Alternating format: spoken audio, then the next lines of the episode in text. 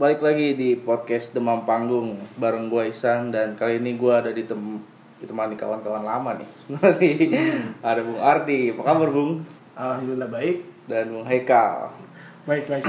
Nah, mereka ini punya project beberapa band sih sebenarnya. Cuman yang dari dulu dari zaman gue masih ngeband dan mereka sekarang masih eksis itu bandnya Tombstone. Yoi. Baru rilis album Bung ya. Benar benar. Nah, Album pertama setelah kurang lebih 15 tahun 15 tahun ya. dari awal mulai bikin band 2000 15 tahun 2005-an ya? 2005 2005-an Iya. sama ya. Gila, 2005 cuk Tapi emang ini kan apa ya tabungan selama ini nih. Sebenarnya yang pertama kali pengen gue tanya gimana cara lu menjaga spirit itu supaya ini yang, yang lu harus jadi nih. Pertama karena pandemi, pertama itu pasti karena Banyak waktu. banyak waktu kebetulan semuanya dikerjain di rumah. Hmm. Jadi dan di rumah juga udah ada alat, udah mulai nyicil alat-alat buat rekaman dan ditambah lagi referensi kita makin banyak waktu itu memang di jauh sebelum pandemi memang kita udah ada niat buat rilis album bahkan tiga tahun sebelumnya itu kita sempat rilis single Oh ya. kita sempat rilis single dan uh, akhirnya kita masukin ke album uh, The Awakening of Darkness ini album pertama kita. Karena kita pikir ini sayang aja kalau nggak dimasukin. Hmm. jadi kita ibaratnya di mix sama mastering ulang untuk masuk ke album yang sekarang. Jadi sebenarnya spiritnya udah ada sejak kurang lebih 2017 lah ya. 2017 referensi makin banyak ditambah lagi di rumah jadi kayaknya udah saatnya nih kita kita kejar nih. Tapi emang eh, salah satu penyulutnya pas Ardi beli alat sih sebenarnya langsung dibuat langsung. Gimana nih, langsung bikin album aja? Woi ini. oke gue langsungnya kita bikin album langsung garap materi segala macam kurang lebih nggak sampai satu bulan ya mungkin. Masa satu bulan lah garap materi langsung iya. mulai. Rekamannya Singkat lah ya waktu waktu prosesnya. prosesnya sih singkat cuma memang ngumpulin materinya itu udah lama Nah dari materi-materi yang lu kumpulin tuh, yang bener-bener dari awal tuh mana? yang bener-bener dari awal jadi ada beberapa lagu memang kita bagi tugas. Ada yang lagu ciptaannya Eka lagu ciptaan gue sendiri. Ada yang kita bagi tugas kita split. Mungkin ada revisi dari Eka ada juga dari gue jadi kita saling sharing aja. Hmm. sekarang pun kita terpisah kan dulu. Memang kita base nya di Depok. Hmm. terus tiba-tiba ya long story personil pada cabut. Ada yang di luar kota ada yang uh, kuliah di luar kota juga ada yang emang udah nggak mau ngeband lagi. Ditambah Hekal pindah ke Bogor jadi terpisah jarak. Jadi sebenarnya tektokannya itu sebenarnya uh, kita kontak-kontakannya agak susah. Cuma untuk eksekusi materinya biasanya seminggu sekali datang Hmm. untuk rapiin semua. Tapi di waktu yang singkat itu emang ada target kalau bisa sebulan kelar. Sebenarnya triggernya itu karena di band kita yang satu lagi. Jadi ada satu lagu di band kita yang satu lagi Breaking Ice in Britain nah, band rock kita itu. Ada satu lagu mangkrak di studio sudah setahun. Sudah setahun ini belum selesai karena vokalisnya ini sibuk waktu itu. Ketika pandemi datang awal-awal si vokalis ini siap. Akhirnya kita selesaikan di studio. Hmm. nah ketika ngelihat hasilnya bagus jadi kayaknya di sini aja nih kita garap nih. Dalam artian eh, mixing masteringnya. Tapi kita tetap coba kenapa nggak kita recording dari awal semua di rumah? Demi menghemat biaya dan waktu. Iya. Itu berarti kerjanya di rumah juga tuh. Hmm, bi- nggak 100% sih jadi 90% lah. Jadi semua musik digarap di rumah. Hmm. dari uh, pengumpulan materi lirik dan segalanya.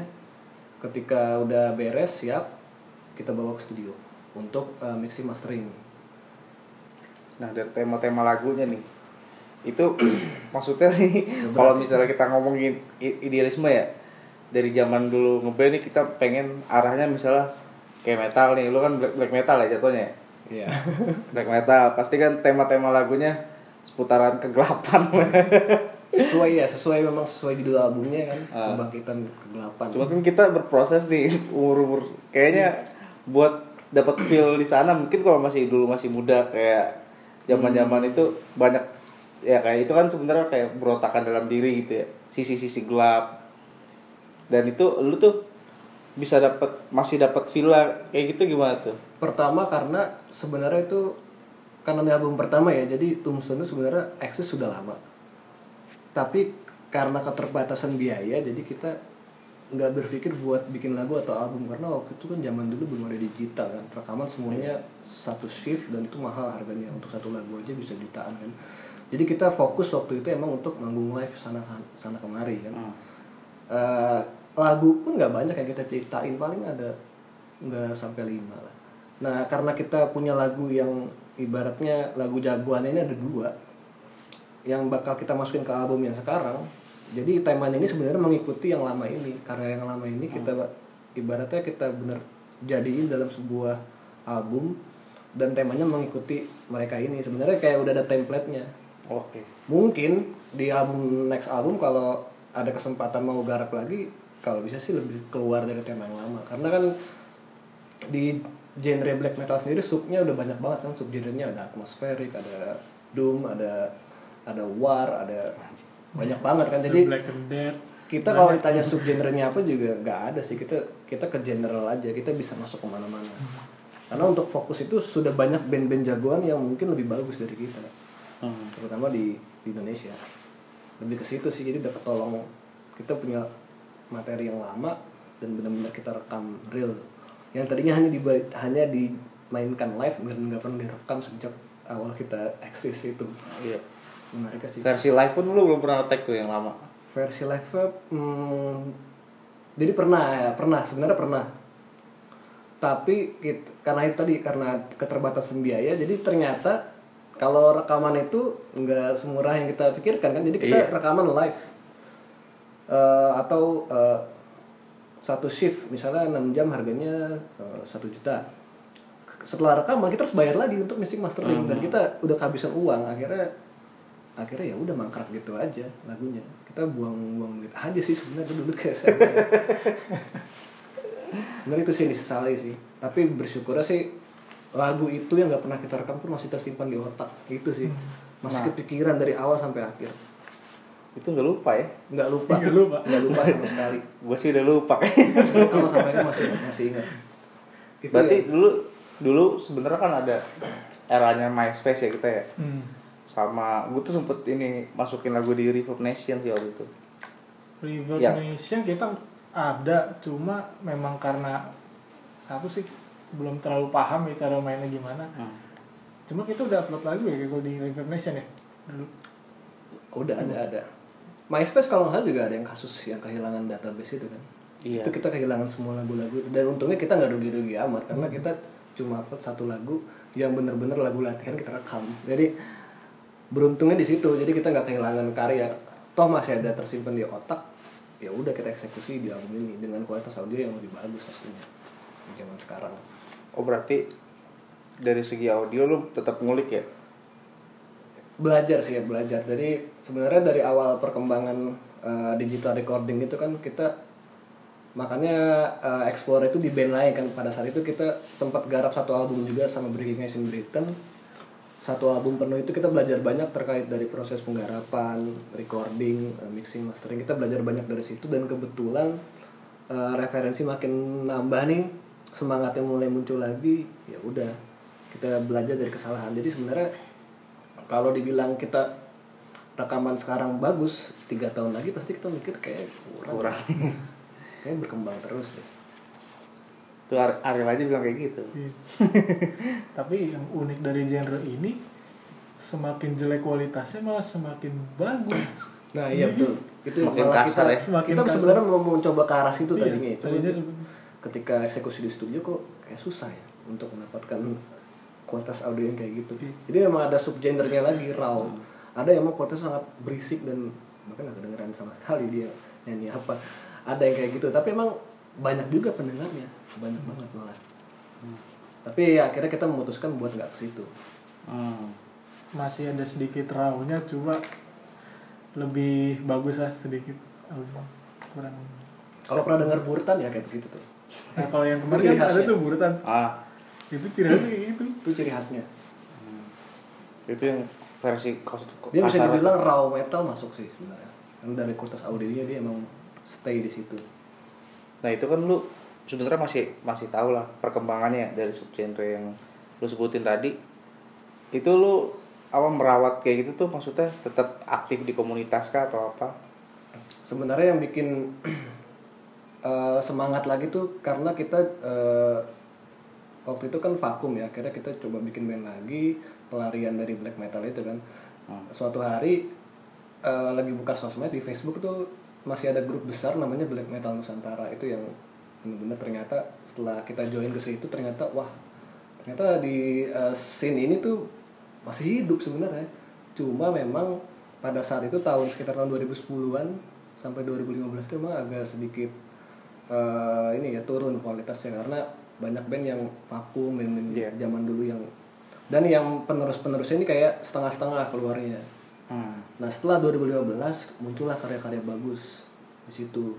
Nah itu trigger kita juga sebenarnya wah ini harus kayak kita harus rilis juga nih. Kita karena pertama nama band kita terlalu apa ya terlalu general ya. Jadi sebenarnya Tombstone sendiri udah ada nama band di Finlandia kan, tapi genrenya eh, apa ya? Kalau salah lebih ke extreme metal atau gimana sih? tapi sama di metal juga. Sebenarnya nama namanya aja udah rawan. Jadi yang sebenarnya yang gue pribadi takutin sih karena kita nggak eksis sejak 2008 kalau nggak salah kita mulai vakum itu yang kita takutkan nama kita bakal diambil sama band lain dan diklaim. Nah itu Iya, yang iya, kita iya. khawatirkan.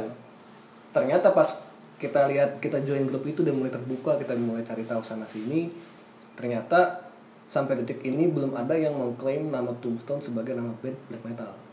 Untungnya ada yang mirip kalau nggak salah dari Ukraina. Tapi nama bandnya kalau nggak salah Cult of Tombstone. Hmm. sama ada lagi band Indonesia juga yang raw metal itu namanya Forbidden Tomb. Agak mirip-mirip lah. Tapi seenggaknya aman di situ makanya ya udah nih bakal kita lanjutin dengan nama yang sama. Meskipun personilnya tinggal berdua sebenarnya Nah ini nih berdua ini nih yang jadi masalah nih karena gue gue pribadi ngumpulin materi sama ngumpulin orang-orangnya tuh lebih susah ngumpulin orang ya. memang itu yang terjadi di kita yang satu lagi Nah, makanya gue beberapa apa ada bikin project gitu. Akhirnya ya udahlah gue rilis sendiri aja atau cuman gue bikin rekam kasar terus upload di SoundCloud. Yang penting gue nggak sampai lupa terus intinya kayak terabadikan aja lah. Sayang gitu materi. Karena kalau misalnya ngumpulin temen kita ya kayak tadi lu bilang kan kasusnya kan sama lah. Mungkin sama kita sama gue juga. Teman-teman kita udah ada yang nggak main musik udah ada yang apa tinggal jauh gitu. Buat ngumpulinnya susah akhirnya. Tapi lu masih ada berdua nih. Beruntungnya sebenarnya. Kita berdua ini justru kita otak di balik itu Iya. semua sebenarnya Terus juga lebih efisien juga lebih sih. efisien sama. Sebenarnya cara kita eh, berkarya pada saat kita masih full berenam ya waktu itu sebenarnya agak agak mirip. Awalnya dari Hekal punya materi lalu gue eksekusi musik lalu saya ajarin ke semua personil. Sebenarnya lebih ke kita berdua. Jadi ketika mereka menghilang eh, cabut satu persatu sehingga tinggal berdua ini sebenarnya sebenarnya kita nggak ada masalah Nggak masalah. ada masalah Justru karena otaknya di sini dua-duanya. karena ya kebanyak sebagian besar ya kita nggak bilang ini ya maksudnya kita lebih dominan untuk dalam hal uh, bikin musiknya pada saat itu biasanya kan kalau dulu zaman namanya anak SMA lah ya lebih kayaknya ada yang orang tuh suka ngeband kayak lebih suka ngebandnya aja lebih Iya. suka manggungnya aja show offnya tapi mereka nggak belajar musiknya hmm. Nah itu mungkin uh, yang bedain gue sama Hekal ini yang masih bener-bener uh, belajar musik dari nol banget dari nggak ngerti sound nggak ngerti alat sampai sekarang sih bersyukurnya sih masih ini ya masih dapat ilmu baru terus sampai detik ini. itu kan kalau kalau metal ibaratnya gue misalnya itu pun gue baru tahu belakangan ini bung maksudnya ketika gue pengen rilis sendiri gitu kan otomatis ngulik sendiri belajar belajar DAW sendiri Iya iya iya. ya kan terus bahkan bikin rekaman akustik aja gitu misalnya lagu-lagu yang sederhana lebih detail gitu maksud gue wah ini banyak banget yang ini sedangkan lu nih rilisan lu metal nih Nah, nah ini sebenarnya juga belajar ya. Jadi karena kita beberapa kali sering mampir ke studio waktu album yang band yang satu lagi yang rock, Hmm. jadi kenal orang kan banyak relasi, terus kenal orang, orang studio. Akhirnya sebenarnya ditolong sama orang studio juga kita belajar banyak, kita nyuri-nyuri ilmu dari studio itu. Dari pertama alatnya pakai apa aja atau dan budgetnya berapa ya untuk beli kayak gini-gini modalnya. Mulai dari situ kita belajar setelah udah punya alatnya baru kita belajar ilmunya. Sebenarnya sih kita eh, low budget juga sih sebenarnya. Makanya kemarin memutuskan untuk mixing mastering karena pertama kita pasti bayarnya nggak semahal kita bener-bener pure rekaman Iya. alat. Kita nggak bayar alatnya dia kan kita alat sendiri berarti kedua kita sebenarnya kekurangan kita itu belum sampai di mixing mastering karena menurut kita tuh kayak kupingnya belum ini ya belum aware ya Iya. jadi ada rasa tidak puas kalau mixing mastering sendiri kayaknya ilmunya tuh ada lagi Iya, jadi emang. masih di tahap recording aja ternyata ada lagi loh ilmunya dan itu perlu jam terbang dan yang punya jam terbang hanya orang studio Iya. sebenarnya sih kalau mau belajar banyak hal terkait produksi musik sih main ke studio sih sebenarnya nggak bisa sendiri. Gitu sih paling. Nah itu lu itu maksudnya dari ibaratnya sebelum mixing mastering kan dari tag kan itu udah lumayan ribet bung. Maksudnya isian-isian lu tuh lumayan padat nih dari musik Iya, dari segi emang. musikal. emang. Nah itu lu tapi prosesnya lumayan cepet kan? Prosesnya cepat sih. Karena emang lebih enak garap berdua apa kan? karena bener-bener seharian di rumah ya bener-bener tuh berbulan-bulan kan tapi gini sebenarnya kalau misalnya dari lagu-lagu kita nih jadi bagi job gitu sebenarnya Hmm. jadi bisa ada 8 lagu nah 4 lagu Ardi bikin sendiri nih terserah stylenya Ardi gimana ntar 4 lagu stylenya gue gimana asal masih satu pattern di black metal Hmm. gitu dan sih. kita ditolong juga delapan lagu itu ada dua lagu lama yang masih tersimpan di otak itu dan ditambah satu lagu cover jadi sebenarnya yang real digarap benar-benar di masa pandemi ini hanya lima lagu sebenarnya. Lima lagu yang pure Yang baru nih. ditulis dari nol. Hmm. ketolong itu sih. Ini juga jadi pemicu juga mungkin kalau buat next project kayaknya harus dicicil ya nggak bisa keroyokan kayak gitu ya. Bener-bener menguras otak banget sih. Bahkan sampai setelah recording aja kan masih banyak proses revisi dan lain-lain tuh bener-bener nguras otak kita berdua kayak dari pagi sampai malam bisa di studio sebenarnya Itu lu beneran berdua tuh? beneran Ber- berdua. berdua. kita tongkrongin di studio Waduh. Waduh, waduh. Gue sih nggak nggak kebayang ya. jadi pemilihan soundnya sebenarnya sound bisa ya, gitarnya sebenarnya bisa kita eksekusi di rumah sendiri cuma tadi gue bilang ada rasa kayak gak puas nih kayak harus Iya. dinilai orang lain dulu Hmm. untuk eh, untuk ngasilin sound yang bagus tuh kayak gimana di genre ini atau di genre ini kan beda-beda nah orang studio sebenarnya lebih ke apa ya teknis sih. Kita yang oke kita yang approve kita yang kayak gini. Oke ini sedikit revisi ini enggak dan lain-lain. Sebenarnya lebih ke situ sih. Bisa aja sebenarnya kita bisa eksekusi semuanya benar-benar dari rumah tapi kayaknya itu dia sih ya. Mungkin kualitasnya nggak sebagus yang Iya. eh, seka- yang udah dirilis ya. Itu pun sebenarnya masih banyak kekurangan ya. Semakin sering kita dengar semakin banyak kita tahu Ah, kekurangan ini kayaknya kurang ini nih gitu. banyak kan. banget. Makanya sekarang udah malas dengerin. Awal-awal aja abis itu udah. Silakan dilepas ke penggemar aja lah. Nggak usah apa nggak usah ke kita dengerin ke orang lain. Di kuping kita sendiri misalnya masih pakai headphone terus copot pakai speaker. Ini yang flat terus yang ba- bahasa tebal juga itu udah beda kan iya bahkan beberapa teman juga nggak percaya kalau itu emang bener direkam di rumah. Hmm. banyak teman yang ah ini bohong nih kayak nggak mungkin di rumah. Ya mereka jarang main ke studio berarti. Ya udah canggih kan Udah alat canggih. sudah support sebenarnya sebenarnya nggak penting alat sih yang penting bagaimana eksekusinya ngejahitnya kasar gitu. Hmm. siapa yang ngejahit? Kita bisa aja bayar lebih mahal lagi untuk kualitas yang lebih bagus lagi. Lebih ke situ sih. Tapi kan pattern-patternnya tetap maksudnya tetap lu mainin bukan gambar gitu loh buat Eh, pattern-pattern dasar gitu. Kita sebenarnya konsultasi juga sama temen jadi ada kebetulan kita berdua ini bukan drummer. Hmm. ya kan? Jadi kita punya temen yang agak ngerti terkait eh, produksi drum digital.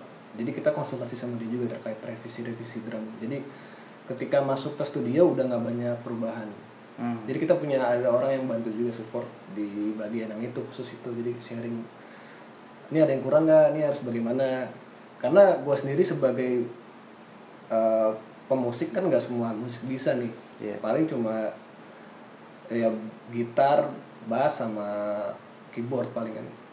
Setelah capek ngetek gitar terus bass satu album itu gue semua yang ngetek bass.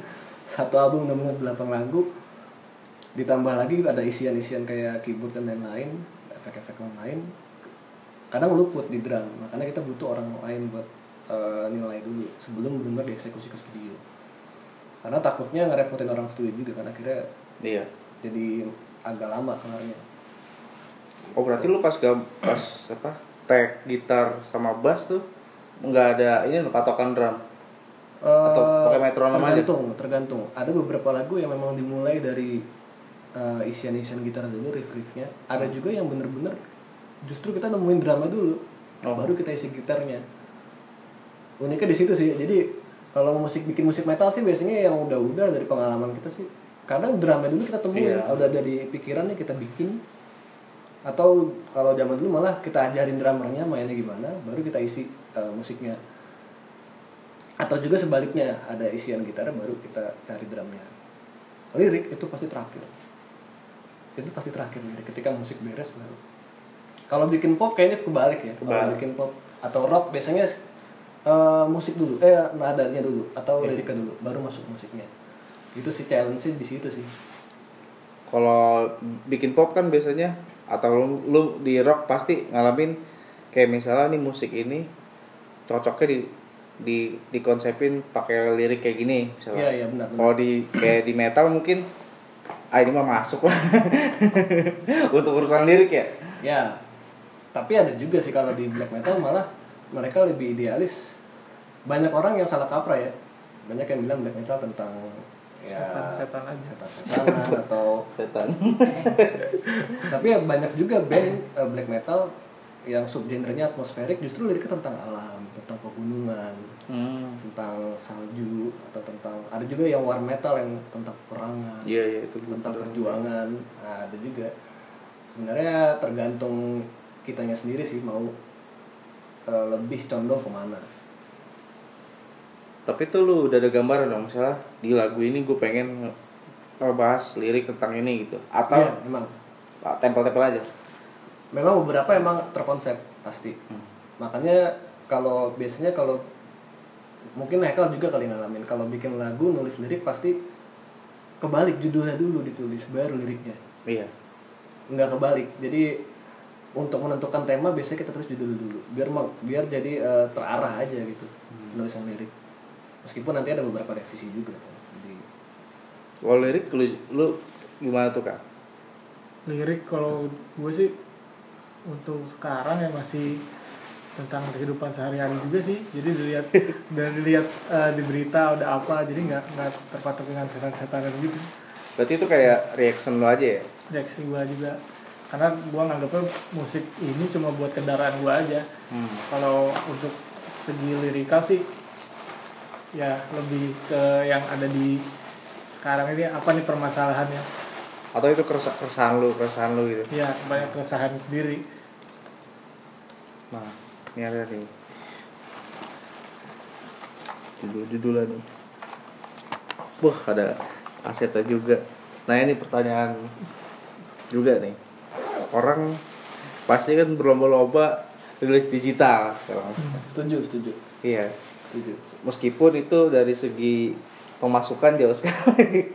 Kecuali ibaratnya kalau misalnya digital nih lu terkenal banget sama yang ya British-British kayak kita itu gapnya tuh jauh. Iya. Karena kan perhitungan dari pembagian royal royaltinya tuh harus berapa ribu dulu gitu ya. Per berapa, per berapa dolar gue lupa dah. Hitung-hitungannya ya kan? belum ada potongan lagi kan dari Iya pajak terus segala macem kan. Kalau kita dulu kan misalnya masih seneng rilis CD gitu, memang ibaratnya untuk biaya produksi kita udah ngitung nih, ya ya kan? Ah, gue kalau misalnya main di kampus ini atau di sekolah ini atau di acara gigs ini, gue bisa nih jual berapa berapa CD nih buat tutup produksi, sisanya udahlah keuntungan. Nah kalau sekarang kan susah nih bung, susah banget. Buat main kan kita kan udah jarang nih lagi di pandemi kayak gini nih buat perform live gitu kan ya sedangkan rilisan fisik ini gimana nih lu cara ngejualnya Nah ini juga menarik ya. Jadi kita nggak nyangka juga. Jadi ketika eh, album The Awakening of Darkness rilis, sebenarnya kita niatnya cuma ma- pengen publish di YouTube tapi bukan channel pribadi ya maksudnya bukan channel band kita tapi channel komunitas black metal worldwide ya sedunia Hmm. beberapa menolak karena mungkin materinya nggak ini kali ya nggak diterima tapi akhirnya kita Nggak masuk cocok. di dua channel worldwide. Dan kita nggak nyangka itu sampai sekarang udah seribu hampir 2000 ya pendengarnya. Nah saking viral ditambah lagi kita viral juga di komunitas. Dan ternyata di komunitas black metal sendiri rilisan fisik itu masih banyak yang nyari. Masih banyak Masih banget. banyak. masih banyak banget. Kita respect banget sama mereka ya. Di tengah kondisi sekarang gitu mereka masih mau uh, support band-band lokal dengan beli rilisan fisik lu bayangin aja. Bahkan kita baru rilis seminggu kita langsung dikontak beberapa label indie buat ngerilis fisik. Nah kita sempat bertanya-tanya nih ini bener ada yang beli apa enggak ya? Akhirnya sebenarnya kita udah coba rilis fisik sendiri dalam bentuk CD tapi itu pun sebenarnya nggak kita jual. Jadi lebih ke giveaway aja. Jadi kita nanti jual merchandise kayak kaos berhadiah CD Oke. Toh nggak bakal denger juga di CD player kan pasti yang setelah ya digital aja kan udah ada YouTube dan lain-lain kan. Tapi ketika ada dua label mau kontak emang niat mau produksi CD dan kaset itu kita terkejut juga sih. Bener nih mau rilis kaset emang ada yang beli. Hmm. ternyata di label ini dia penjualannya emang seluruh dunia cuy Oh, nggak iya. nyangka juga. Ternyata jadi di website namanya bigcartel.com tuh dia masih masih in banget penjualan kaset bener-bener kaset tape itu masih banyak yang nyari. Dan udah nggak jual di Indonesia doang. Sih. tradingnya masih kenceng sih. Minimal ke Malaysia Singapura lah. Makanya kita mikir ya udah hajar aja. Sebenarnya kita nggak menuntut banyak ya. Kita cuma eh, pengen ya semoga ada yang beli ya. Semoga sold out ya. Dan ternyata lumayan juga sih ininya reaksinya. Setelah kita pantau udah mulai banyak juga yang habis ya. Kaset katanya udah tinggal berapa ya tapi emang limited ya paling dia bikin 50 Ah. biasanya kalau kaset kalau CD mungkin agak banyak 100 nah next week kayaknya CD bakal datang juga sih ke kita buat di reseller lagi Dari si ini ya. dari ya dari label ini dan ini juga labelnya beda jadi ada yang satu fokus ke CD ada yang fokus ke kaset Oh, ini menarik terpisah. juga nih ini terpisah Gua kira sama. nah itu dia makanya ini sih keren sih dan yang beli sih gue salut yang beli Hmm. gue salut banget sama yang beli Kalau ini mungkin lu bisa koreksi kalau gue salah ya. Kayaknya untuk apa ya rilisan kaset sekarang biaya produksi lebih mahal. lebih mahal Bener kan? Eh, satu kaset sekarang dijual itu sekitar 50.000 ribu tapi kalau di luar dijualnya 10 dolar Hmm. biasanya. CD sama harganya 50.000 ribu juga nggak tahu ya padahal kalau dari sisi eh, emang produksi dan embel-embelnya sih udah mahal kaset sih Hmm. tapi sih katanya kualitas audio tetap nomor satu jadi Oke. kualitas audio CD itu sebenarnya mirip kayak tape Hmm. makanya jadi orang nggak ragu buat beli tapi yang bingung kan kenapa orang masih punya eh, radio tape nya itu memang masih nyimpen ya Gue masih ada sih gue milik milik oh Oppo. gitu kalau kita jual jujur aja ya kalau kita jual Jabodetabek gua rasa nggak ada yang beli Hmm. tapi di Jawa Tengah Jawa Timur itu ramai yang beli Karena emang segmented sih bung karena Benar. kalau misalnya di Jakarta ya, gue biasanya kan nyari di Blok M Square tuh lantai bawah Untuk bawah. Iya. untuk nyari-nyari kaset gitulah. Iya. Terus emang beberapa ada yang sempet nanya-nanya kalau lu itu kan kalau zaman dulu kita kan biasanya nitip di distro Iya. ya kan? Itu kan tapi kan udah nggak udah nggak banyak tuh sekarang. Jarang sih. Iya kan? Poster, poster. itu di poster kalau ada rilisan. Atau ya banyak lah dulu mah. Di gigs gigs gitu. Ini kan sekarang penjualannya pun rilisan fisik pun yang jual udah nggak banyak gitu. Iya. bahkan toko-toko yang besar aja udah banyak yang kolaps gitu. Dan lu berarti si label ini memang udah tahu nih pasarnya kali ya udah ada kebayang Kalau kita perhatiin sih emang ini label pemain besar juga sih. Hmm. Jadi dia triknya tuh sebenarnya bagus dia marketing. Jadi ketika ada band rilis, dia langsung kontak. Nanti ketika sold out, dia cari band lain. Hmm. Jadi kayak sebenarnya nggak beli putus ya kayak yang penting ada izin terkait royalti kita dapat rilisan fisik juga. Hmm.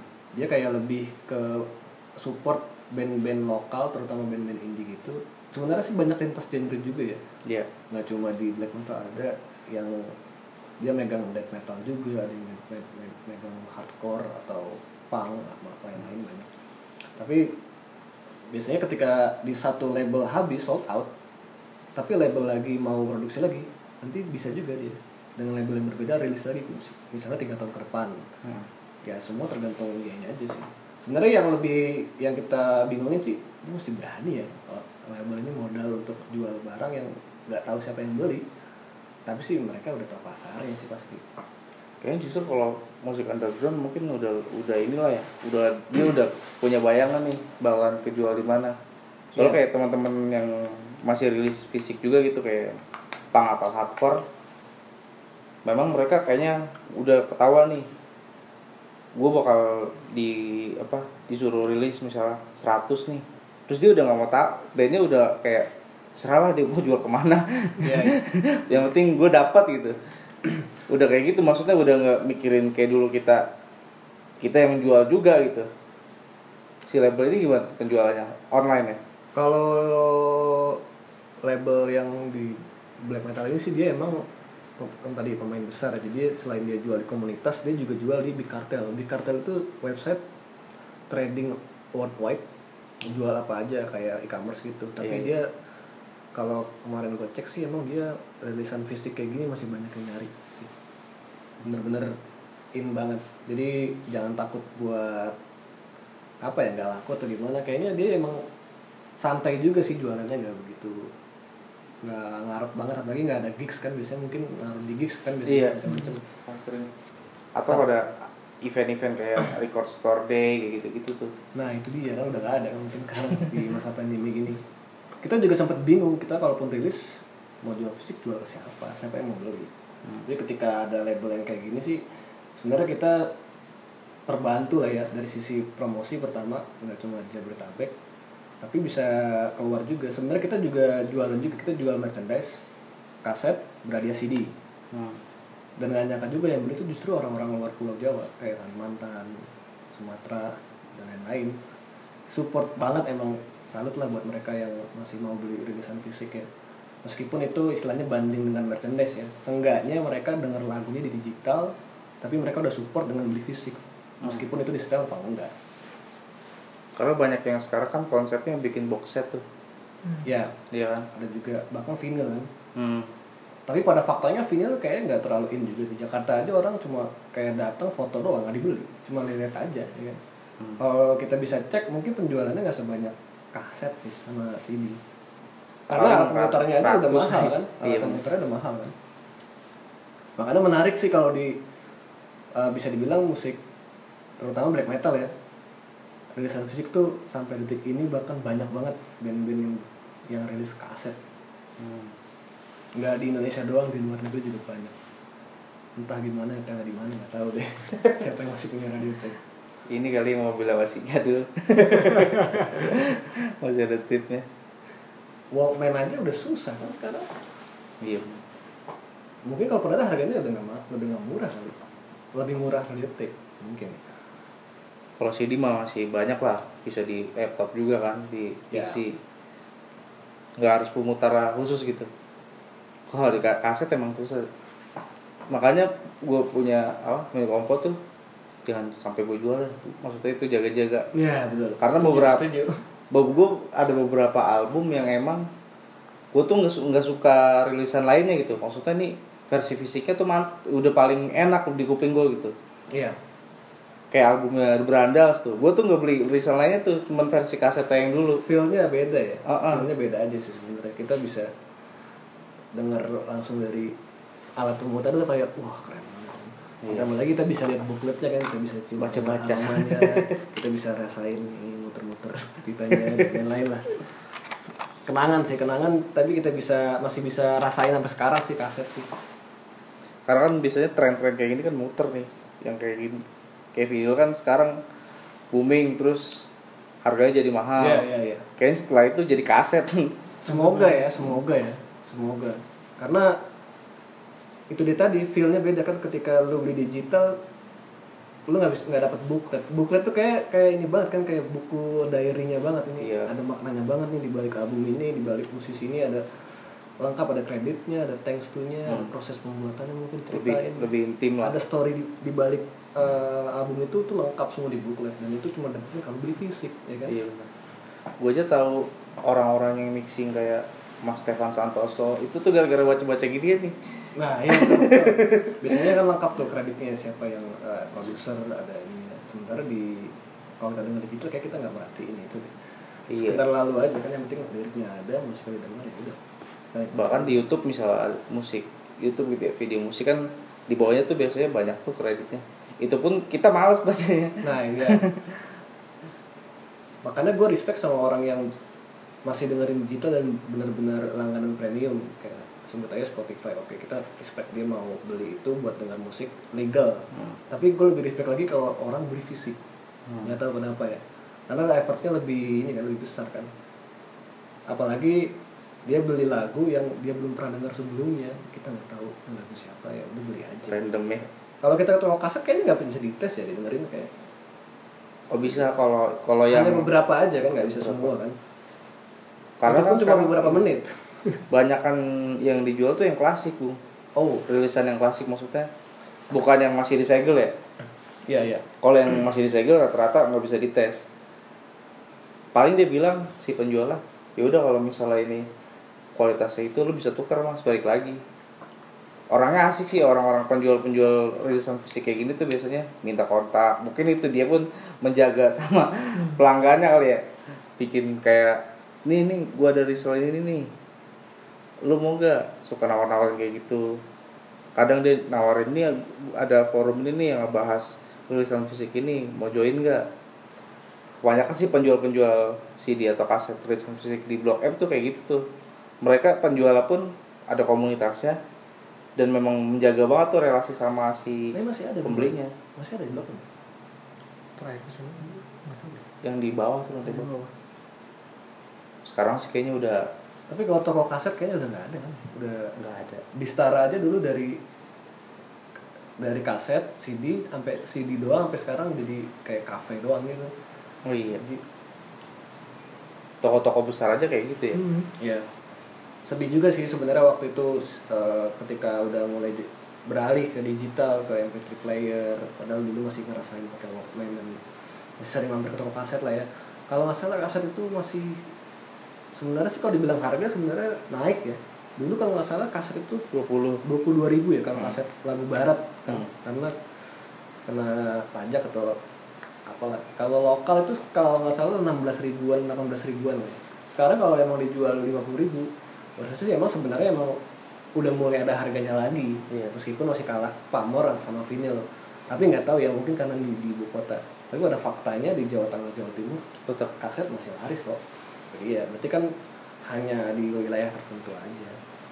Itu. Gua kayaknya beli homing set 100 atau berapa gitu. kaset? Iya kaset. Mahal juga ya. Mungkin banyak lagunya. Banyak sama kemasannya yang gue suka sih. Oh kemasannya ya itu kita nggak bisa ini itu label Iya. ya label yang Karena kan produksi. biaya produksinya mungkin lebih lebih mahal. Nah itu juga yang membedain eh, kita sebenarnya produksi CD sendiri. Hmm. Eh, dalam bentuk soft cover. Tapi dari label rilis juga dong. Tapi ah, yang ngebedain apa nih? Nah dia lebih eksklusif. Ada di case ada bookletnya ada liriknya. Dan itu yang ngebedain eh, kita yang buat produksi sendiri sama yang di label. Kita menghargai label karena biar nggak ngejatuhin penjualan dia juga. Tapi tetap kita tetap eh, masih jalan juga sih untuk penjualan merchandise officialnya eh, banding si kaos sama CD-nya ini. Hmm. sampai habis semoga habis. Nah, dari ini deh. Berapa lagu nih? 8 ya? 8 8 lagu yang lama yang mana aja? Yang lama itu yang eh, lagu ketiga Secret of the Moon from Carpathian Forest sama Hamunaptra.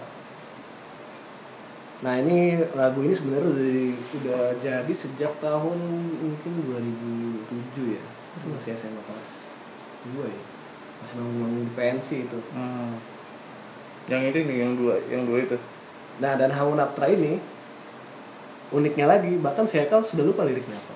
Jadi lagu ini sudah direkam ketika mau di mixing mastering kita mau bikin booklet buat lirik dia lupa apa yang direkam. Ah ini unik. Gak tahu itu kenapa. oh terlalu, terlalu banyak revisi sebenarnya lagu Habnatra itu dari lagunya musiknya sampai liriknya itu banyak revisi sampai lupa liriknya nah jadi kalau ada yang beli CD kita di eh, di online jadi jangan bingung ya kalau misalnya ada nanya kok lagu Hamunaptra nggak ada liriknya ya. Itu alasannya karena itu. Karena lupa. penyanyinya sendiri lupa. Dia ngomong mau nyanyi apa. Karena emang lagu itu sudah direkam tiga tahun sebelumnya. Dan kita masukin ke album ini dengan sedikit perubahan untuk eh, nyamain soundnya agar sama dengan konsep albumnya. Ini apalagi lu dengerin yang mungkin lu punya mem apa rekaman-rekaman zaman dulu gitu misalnya lagu ini ha Hamunapra Hamu apa Hamunaptra Hamunaptra ini ada gak? lagu ah justru yang Hamunaptra ini nggak sempat direkam tadinya Hmm. jadi tetap masih ada di otak jadi kita keluarin tapi ada sedikit revisi di musiknya Hmm. Tapi garis besar liriknya lu lupa juga. Lupa blank sama sekali kalau nggak salah ada bahasa Italia juga ya kalau nggak salah ada bahasa ada bahasa latinnya Latinnya Hmm. Nah, itu yang bikin blank mungkin. Tapi sisanya sih full bahasa Inggris sih lagunya. Hmm. Dan ini- keluar konsep aja. Tema-temanya sebenarnya beragam ya. Eh, beragam sih, beragam. Ada yang tentang hutan, ada yang tentang eh, sekte, ada yang tentang apa lagi ya? Ya hal-hal terkait kegelapan. Dan kenapa lu ngambil judulnya ini, Bu?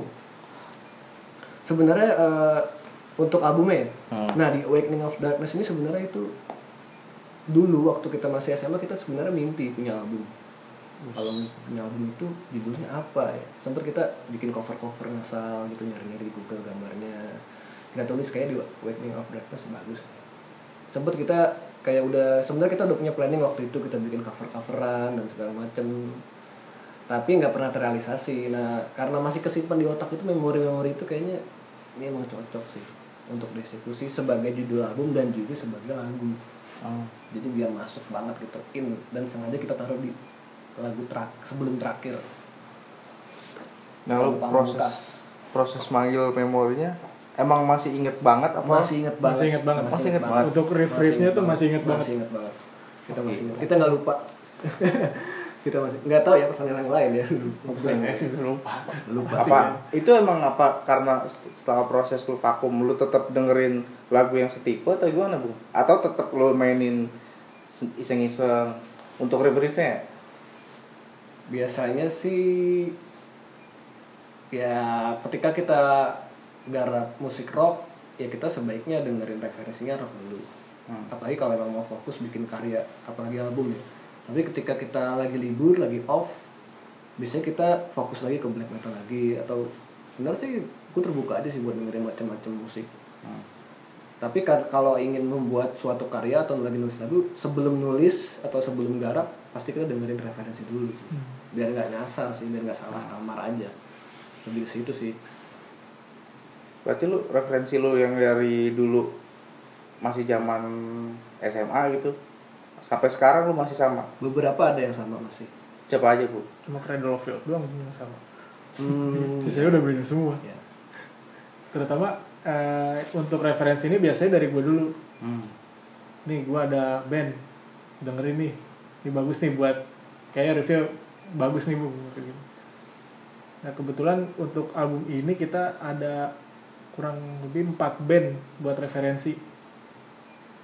Jadi setor dulu Ardi dengerin bu gimana nih? Nah dia juga mulai dapat oh iya nih bagus nih buat kita tumpahin saya gitu. Biasanya kalau udah sampai ke gua jadi mengakar ke mana-mana sih. Dia disuruh dengerin gua ah kira gua dapat A B C D E F G. Oh lu nyari pasti itu ya berkembang ke yang lain-lain. Akhirnya jadi jadi banyak kan untuk bisa dicemplungin ke eh, satu lagu aja deh itu referensinya kan banyak banget biasanya kan untuk nggak mulai dari nol banget sih. Karena apa ya? Pasti band-band referensi lu waktu itu pun dari rilisan-rilisan setelahnya pun musiknya ada yang berubah banget kan? Berubah. Ya kan? Banget, banget, banget. ada yang beda 180 itu pun yang bakal kita lakuin kalau misalnya ada kesempatan buat rilis album untuk tahun depan itu pasti kita akan coba kayak gitu lu mau explore yang kayak gitu juga? Kita bakal coba sih. Kita bakal coba. Cuman buat untuk si album ini nih lu masih yang lama lah ya referensinya ya? Pertama kita masih coba keep ya lagu lama itu rasanya feel yang di lagu lama ini mau kita bawa lagi eh, sambil yang lagu yang barunya mengikuti sih.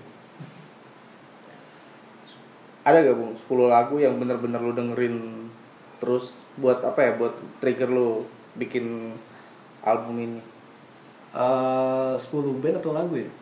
10 10 lagu aja lah atau kalau 10 band kayaknya banyak banget lagunya banget ya. Nggak usah 10 ada 5 aja ada 5 Lima aja 5 ya. Eh, yang khusus di album ini. Hmm. pertama gue dengerin Pure Red. Dia dia lebih keren lagi sih dia one man black metal dia benar-benar sendirian otaknya di satu orang doang. Dan dia udah terkenal sampai Europe dan kita punya kesempatan kita senang banget bisa lihat dia mang- manggung langsung live di satu panggung. Dan kita dan kita mungkin orang salah satu orang pertama yang beruntung buat nonton dia live. Sendirian tuh dia? Dia benar-benar sendirian. Dan itu kita terinspirasi dari ada beberapa lagu dia di album yang mana ya? Ada beberapa album lah yang oke Pure Red salah satunya. Lalu gue juga dengerin band-band indie juga. Kalau gue lebih ke indie kalau Aka mungkin ibaratnya ke yang legendnya lah ya. Kalau gue sih lebih dengerin ke indie buat masukin ide-ide lain. Gue kita dengerin ada band dari Finlandia namanya Vidra nah ini menarik karena band ini satu album tuh lagunya low tempo semua. Hmm. jadi lambat semua tapi keren tetap keren dan apa ya? Dan tetap kuat karakternya itu. Salah satu inspirasinya juga selain Red. Kalau ketiga apa ya? Mau gua Megua juga Megua oke. Setuju. Megua itu band Polandia dia black metal yang menarik sih karena black metal kan identik dengan corpse paint cemong atau makeup serem tapi dia enggak sih. Dia keren dengan jaket kulitnya dengan tudung kepala dan mukanya ditutupin pakai balap lava itu balap kelapa gitu. Jadi nggak ada mukanya kayak Slenderman. Oh. Dan itu keren banget itu harus dengerin deh kayaknya keren sih itu salah satu juga tuh berarti bertiga ya? Satu dan lagi? paling gue tambahin yang gue denger tuh satu lagi eh, Batushka namanya nah ini band black metal dari Poland atau Rusia dia itu ngambil eh, chant-chant dari Kristen Ortodok Oh. jadi misalnya eh, orang Kristen Ortodok berdoa nih. Hmm. nah itu ambience-nya diambil sama dia. Oh, nah iya. kurang lebih sama kayak sama gua. Dia Hmm. pakai tudung pakai robe-nya pendeta segala macem. Jadilah satu band itu. Nah sama gua ngambil dari band namanya Amenra itu kalau nggak salah band post metal apa doom gitu dari Belgia. Itu gue ngambil di satu riff di lagu False God itu low temponya dari situ. Hmm. jadi memang ada beberapa band yang riffnya tuh gue bilang wah nih kayak masuk nih buat di sini. Gue ambil dari situ. Sisi eh tapi ngomong-ngomong udah dengerin dong nih albumnya? Wah wajib denger nih. Gue yang kemarin apa ya? Sempet denger nggak yang judul judulnya apa nih? Kayaknya yang di di link Instagram deh Hmm. itu beberapa tuh gue play tuh? Apa oh judul tuh itu kayaknya cover ya cover. Oh ada Tron. Tapi kalau boleh rekomend sih sebaiknya denger track satu sih track satu udah. Ini lagu Hekal dan kayaknya mungkin lagu menurut gua sih sebagai yang nyusun urutannya ya kayak lagu satu itu track satu False God ini kayak apa ya buat pembuka yang bagus lah buat album ini. Jadi biar orang penasaran buat dengerin track-track selanjutnya ini lu bilang lo temponya itu kal ya, jadi dia awalnya temponya pelan dulu abis itu langsung ngebut. Hmm. tapi masuk gitu match dia. Itu berarti lu kayak apa ya suasana itu digiring-giring-giring dari bawah dari terus bawah langsung to the point langsung di pas to the head lah. Kalau cerita isi lagunya ini ya kalau ini eh, tentang keresahan diri sendiri sih. Kayak kok di jadi agak agak politis sedikit sih ini. Hmm. di pemerintahan sekarang kok agak agak kurang mulus lah dia ininya pemerintahnya tuh Hmm. jadi banyak banyak segala macam kesalahan kesalahan sedikit lah dan Oh. jadi agak agak memang agak sedikit sensitif sih jadinya tapi nggak apa-apa lah itu justru lebih Justru kuat itu, menurut gua. iya. Iya kan ketika ada apa ya ya ibaratnya itu lu ungkapin sisi amarah lo atau kritis lu tapi dalam bentuk karya ini kan? Karya ini. Hmm. karena mungkin gue kalau orasi segala macam tidak didengar ya mendingan nggak kedengeran sekalian. Tapi liriknya gue yang tahu. Malah sebenarnya kita sebenarnya di album ini ada satu lagu lagi yang nggak kita masukin di album ini. Jadi karena mungkin setelah kita rapatin kayaknya kayak nggak cocok masuk album jadi kita keep dulu sementara. Sebenarnya sih pengennya sih rilisnya 9 ya atau bahkan 10 lagu sekalian. Tapi ada satu lagu dan masih banyak materi-materi lain yang kita, masih kita simpan kayaknya nanti aja deh buat next kita terusin. Kayaknya kita udah terlalu apa ya udah terlalu pusing kali ya. Karena bener-bener berbulan-bulan di rumah tuh bener-bener fokus eh, ngurus album ini doang. Bener fokus gitu. Masih mending jadi tapi ya pada akhirnya jadi bahkan mantan personal kita pun yang kita hubungi mereka pada nggak percaya kita benar-benar selesai ini berdua. Hmm. itu sih. Kayak mereka kayak gimana ya ada- kayak ada rasa kerinduan juga mau balik lagi tapi juga nggak bisa. Dan juga yang emang ya udah masa bodoh. Tapi beberapa orang yang personal kita yang dulu pernah join sih gak nyangka sih. Hmm. dan mereka juga senang banget pasti dan support terus sampai sekarang tapi misalnya nanti nanti nih banyak yang request buat live gitu perform live. Nah, Nah. itu udah pikirin belum? Itu kita sih udah udah kita pikirin bahwa kita nggak bakal main live. Kenapa? Tergantung sih kalau itu. Tergantung menarik apa enggak penawarannya. Tergantung yang pertama kita persiapannya lebih lama dari yang lain. Pertama kita harus cari orang buat session playernya. Soalnya kemarin kita ngelihat pure red aja yang one man black metal tuh persiapannya gua rasa lama banget untuk bener-bener eh, ngkompakin untuk satu full band manggung live itu kan nggak gampang. Apalagi kalau emang otaknya cuma satu orang kan. Tapi sebenarnya kita udah mulai nyicil alat juga sih. Seenggaknya karena kita punya dua band yang uh, masih aktif seenggaknya kita punya modal buat manggung live. Tapi tergantung sih kesempatannya Tergantung. apa. Kan mungkin bisa dipikirkan dulu sih. Iya. itu bakal persiapan lama sih. Tapi buat buat peralatan tuh sebenarnya emang nggak banyak ini kali ya. Untuk untuk kebutuhan sound gitu. Itu maksudnya lu udah ada nih bisa alat-alatnya? bisa kita handle bisa kita handle. Sebenarnya kita kesulitan dari dulu sih ke drummer ya. Jadi kita uh, kita punya drummer tuh ada tiga kalau salah. Kita udah tiga, tiga kali ke drummer ya. Sebenarnya kesulitannya di drum ya kalau di genre ini ya. Nggak tahu kenapa ya mungkin mereka nggak mau lebih deep lagi untuk ngulik jadi mereka nyerah akhirnya lebih milih uh, join band lain dan segalanya ada ada juga memang yang emang senang black metal tapi skillnya tuh nggak nyampe ke situ. Akhirnya mereka menyerah. Kebanyakan gitu. Nah mungkin kalau kita ber, dengan kita berdua ini gua rasa sih lebih mudah ya justru memudahkan karena materinya kan udah ada. Jadi kalaupun kita emang mau main live kita bisa ajak teman-teman yang mau bantu kita ya buat bawain lagu yang kita udah punya secara live aja. Nggak ada bedanya dong sebenarnya. Hmm. toh dia bisa belajar dulu kan menarik sih kalau ada emang ada tawaran untuk live sih. Kita coba pertimbangin juga. Meskipun untuk saat ini kayaknya enggak kali ya. Kita fokus aja deh sih, untuk kayaknya nggak main live ya aja. Karena susah ya karena pertama live dari gue sendiri gue pasti fokus ke sound pertama Hmm. dan performnya. Belum lagi visualnya kayak gimana nih tampilan kita gimana ya kan? Karena dulu ketika kita masih uh, full band berenam kita emang kan full ada yang kadang beberapa gigs kita full corpse paint kan?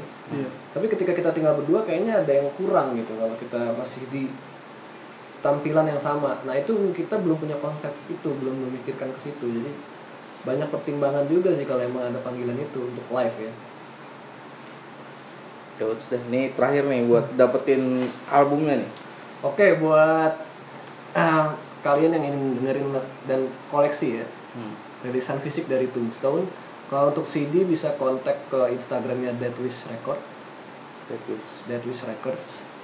Kalau kaset bisa ke Cult of Belial Records. Hmm. itu untuk kaset. Dan CD-nya lainnya kita review dulu. Kita bisa. Tapi kalau untuk kaos bisa langsung ke Facebook Tombstone aja. Mumpung masih ada stok bisa langsung dipesan. Itu ada juga lu bikin paket ya? Ya itu Baik. bundling CD yang soft cover edition sama kaos Hmm. tapi untuk rilisan fisik yang eksklusifnya ada di CD di Deadwish Record untuk kaset di Cult of Belial Records. Mantap. Itu tuh semoga ribet ya nyarinya. Atau lu nyantumin di Instagram gak sih? Buat Eh, merchandise? ya di Instagram Tombstone kita lengkap kok. Kita promoin terus. Ada itunya ya?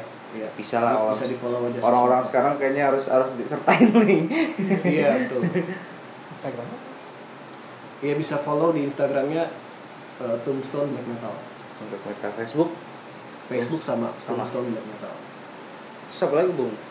Media sosial apa? Eh, baru itu sih kita fokus ke situ Oh.